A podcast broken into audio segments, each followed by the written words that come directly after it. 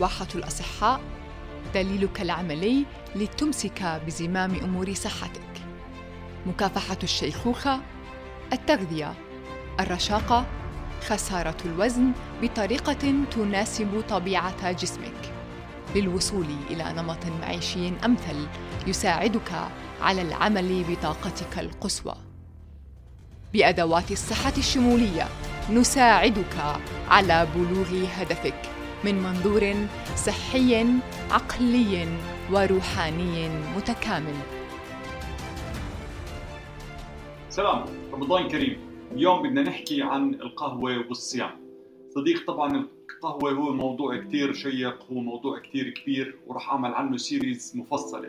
راح أحكي عنها عن ال benefit تاعت القهوة وراح أحكي عن ال myth اللي بينحكى فيها عن مضار القهوة راح أحكي لك عن أنواع الناس كيف they metabolize ال coffee راح أحكي لك ليش الناس بتشرب قهوة مع الدخان. لها سبب بيولوجي هاي مش سبب نفسي بس.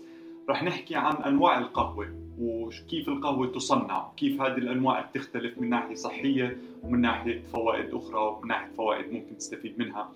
رح نحكي عن آه، آه، كيف أنت تستخدم القهوة بحيث إنها تعطيك ال best performance تعطيك أحسن صحة بالنسبة لك وبهذه الحلقة صديقي بدي أحكي عن موضوع كيف ان نستخدم رمضان مع القهوة بحيث إنه تعطيك أحسن result تعطيك أحسن نتائج من ناحية صحية بالنسبة لك alright هلأ أنا قبل ما أبدأ بهذا الشيء بدي أحكي بشكل عام بس إيش هي عن فوائد القهوة؟ واحكي لك عن شوية mythology عن القهوة ال myth عن القهوة وبعدين أجي أحكي لك شو بتقدر تعمل خلال رمضان إن شاء الله أو خلال اللي هو موضوع ال dry fasting أو صيام رمضان. alright صديقي ال benefit تاعت القهوة بدك تعرف إنها كثير كبيرة مع إنه كثير مختلف عليه القهوة فيها أكثر من ألف substance ما فيها بس كافيين. القهوة صديقي لقت الدراسات recently إنه القهوة significantly يعني بشكل كثير كبير بتحمي من الألزهايمر بتحمي من كل أمراض الدماغ بشكل عام. إنها كمان آه، القهوة بتحمي من أمراض القلب وأمراض الشرايين. وهذه كانت في اختلاف فيها بالدراسات. في دراسات قبل كانت تورجيك إنه لا القهوة actually بتأثر على أمراض القلب. عشان هيك الناس اللي عندهم هذه الأمراض الدكاترة بنصحهم ما يأخذوا قهوة. بس actually الدراسات مؤخرا وأنا ما بحكي عن دراسة ودراستين بحكي عن review study عملت أكثر من 27 studies لقت إنه القهوة ما بتأثر انه القهوة actually بتأثر ايجابيا. على صحة القلب وعلى صحة الشرايين. بل إنه كل فنجان قهوة أنت بتشربه بيحميك بنسبة 6% من بسموه all-cause mortality بشكل عام. فبس آه، صديقي الدراسات اللي كانت تلاقي إنه في negative صار فيها كانت في negative effect يعني القهوة كانت مش جيدة بالنسبة لك آه، اندرست كثير منيح. ولقيت إنه هيدي الدراسات ما كانت تفصل بين إنه الناس عم بدخنوا وما بدخنوا لأنه في كثير ناس من اللي بيشربوا قهوة هم مدخنين وبالفعل كان الناس اللي معمل عليهم الدراسات هم مدخنين والأسباب اللي لقوها اللي بتضر بالقلب والشرايين والى آخره سببها الدخان مش سببها actually القهوة. هلا أنا ما بدي أحكي عن ببدا أدخل زي ما حكينا رح نحكي بشكل كثير موسع بحلقات أخرى بس بدي أحكي لك شو ال downsides عن القهوة عشان أحكي لك شو بدك تعمل برمضان بعض الشغلات اللي هي القهوة بتعملها صديقي بتعرف عليها إنه القهوة بترفع الضغط. وهذا الحكي صحيح. القهوة بترفع الضغط بشكل لحظي. زيها صديقي زي ال exercise. زي إنك تشتغل إشي آه، أنت بتحبه وتشتغله بتركيز كثير عالي?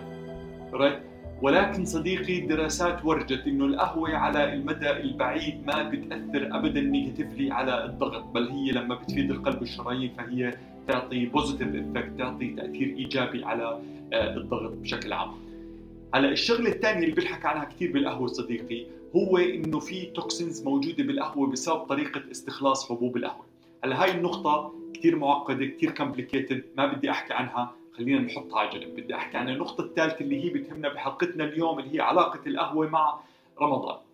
alright الشغلة الثالثة صديقي هي إنه القهوة اللي هي بالنسبة خاصة موضوع الكافيين الموجود بالقهوة آه، إنه بيأثر على ال circadian rhythm أو الساعة البيولوجية تاعتك وبياثر على النوم تاعك. وبالفعل صديقي زي ما حكينا إحنا القاعدة الذهبية اي شيء بيأثر على النوم تاعك فهو بفوز بش... هو بال... يعني النوم بفوز بشكل عام. فإذا بأثر على النوم تاعك لا prioritize ال sleep فاعطى أولوية للنوم بشكل عام. ولكن صديقي القهوة طريقة استخدامك إلها هي اللي بتأثر على موضوع النوم بشكل عام. بس قبل ما أدخل بهذا الموضوع بدي أشرح لك كيف إنه القهوة بتصير تأثر على ال circadian rhythm تاعك وشو علاقة رمضان بهذا الموضوع وشو كيف إنك تستخدم رمضان بشكل إيجابي يفيدك بهذا الشيء صديقي اللي بصير إنت لما إنت تشتغل خلال اليوم بشكل عام تعمل تجهد الدماغ في شيء اسمه adenosine receptors هدول المستقبلات الأدوسينين بصيروا يكثروا. فلما يكثروا عشان يعطوا للدماغ ويحكوا لك إنه إحنا عم نتعب. عشان هيك بتوصل أنت آخر اليوم تلقى راسك كثير بوجع وبدك تروح تنام. alright فهدول هم بسبب كثرة ال adenosine receptors هلأ أنت لما تروح تنام ideally ال adenosine receptors هدول ببلشوا يتلاشوا لأنه الدماغ عم بيعمل detoxing وعم بيعمل راحة وإلى آخره. فالمفروض إنك أنت لما تصحى يكون ال adenosine receptors almost gone شو اللي بصير مع معظم الناس صديقي؟ اللي بصير مع معظم الناس إنهم بس يجوا يصحوا بروحوا بيشربوا قهوة عشان يصحصحوا. فأنت لما تشرب قهوة لقت الدراسات إنه الكافيين بيجي بروح على ال adenosine receptors وبيشبك فيهم. وبنيمهم. يعني تريموف فاللي بصير إنه بتحس إنك awake بتحس إنك alert وبالفعل أنت بتكون alert وأنت آه، عملت آه، طفيت زي ما تحكي ال adenosine receptors. ولكن صديقي اللي بدك تعرفه إنك أنت قد تكون ما أخذت حاجتك من السليب وإنه هاي الادوسينين ريسبترز كانت عم بتحاول تقول لك إنه أنا بدي راحة كمان دماغك بده راحة كمان. فأنت بالتالي عم بتضر نفسك لأنك مش عم بتنام كفاية. فالفكرة إنه بس هلا خلينا نحكي عن المرحلة الثانية شو بصير. لما أنت تصير تاخذ هذه الكافيين بصير جسمك يقول إنه هذا الزلمة بأخذ أو المرأة بتأخذ كافيين receptor بتأخذ الكافيين. فهذه ال receptor تيجي بتشبك بال adenosine receptors فأنا مش عم باخذ راحتي مش عم باخذ حاجتي من الراحة. فبصير الجسم يكثر ال adenosine receptors مستقبلات الادوسينين عشان يتعامل مع كمية القهوة اللي أنت عم تأخذها. فشو بصير معك؟ ببطل ال mug الواحد يكفيك الصبح بتصير بدك مجين وبصير بدك ثلاث وبصير بدك أربعة لأنه أنت عم تستخدم الكافيين عشان تريموف الادوسينين ريسبترز بدل ما أنت تنام أكثر. وهلا بيكتروا هدول ال adenosine receptor بحاجة أكثر ما أنت بحاجة. فأنت لو بطلت القهوة راح تنام أكثر ما أنت بحاجة بالفعل لأنه أنت صار في عندك adenosine receptors أكثر بشكل عام. فشو الحل صديقي وهون بيجي دور رمضان. بيجي شيء اسمه 10 days detox أو ما بحب الديتوكس لأنه القهوة بعتبرها مفيدة بس بعتبر 10 ديتوكس 10 days توقف القهوة.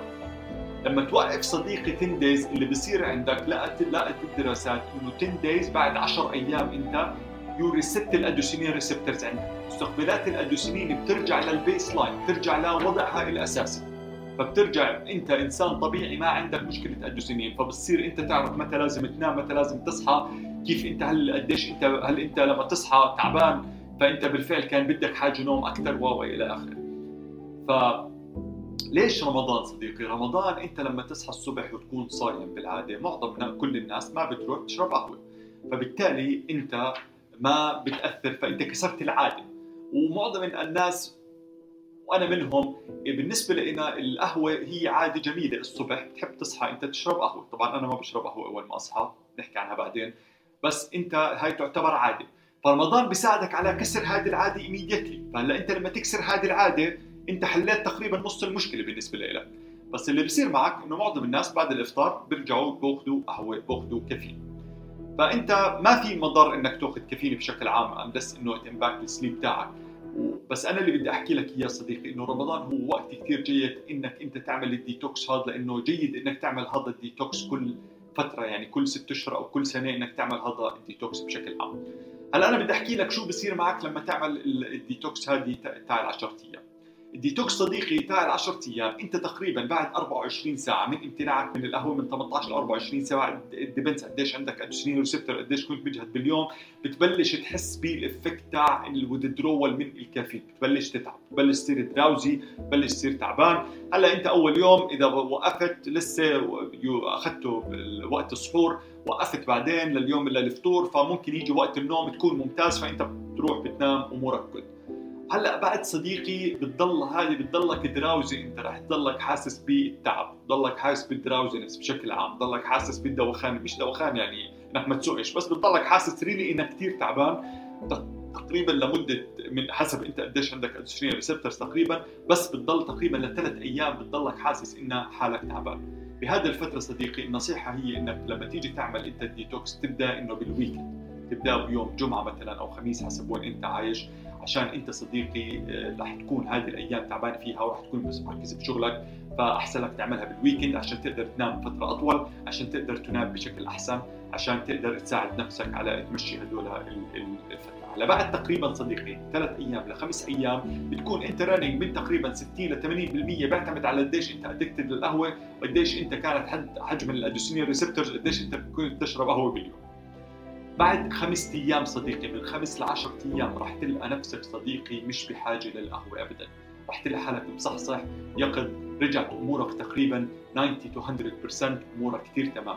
خلال هاي الخمس أيام جسمك بي reset بيعمل reset لل adenosine ال receptors بترجع للوضع الطبيعي بترجع لل baseline وهذه نعمة كثير منيحة.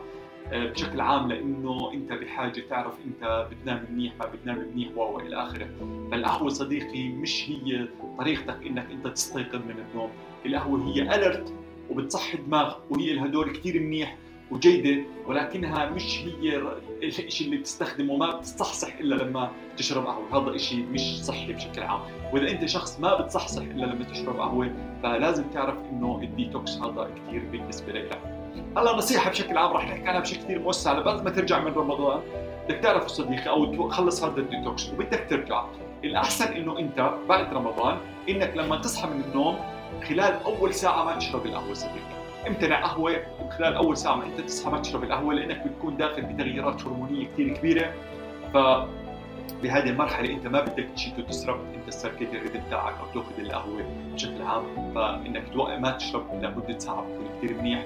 وقبل ما تنام صديقي تقريبا 6 ل 8 ساعات إنك ما تشرب قهوة قبل موعد نومك. فأنت ممكن تشرب القهوة تقريبا لسه أنت بتصحى السبعة تشربها من الثمانية لتقريبا تنام على العشرة لسه أنت تشرب قهوة من الساعة 8 آه، إلى الساعة تقريبا 4 اكسبتبل آه، بالنسبة لك. طبعا بيعتمد على طبيعة الناس كمان رح نحكي عنها بعدين هذه. فصديقي هذه هي موضوع القهوة. أكيد بس بدك تعرف إنه القهوة كثير منيح بالنسبة لك صديقي بس طريقة استخدامك هي اللي بتحدد قديش هي بتفيدك. وصديق زي ما بنحكي إحنا هدفنا من هذا البودكاست إنك أنت دائما تكون أحسن صديق لجسمك عشان جسمك يكون أحسن صديق لك برحلتك في هذه الحياة. كنت تسمعني أنا مأمور عموري واشوفكم المرة الجاية. سلام.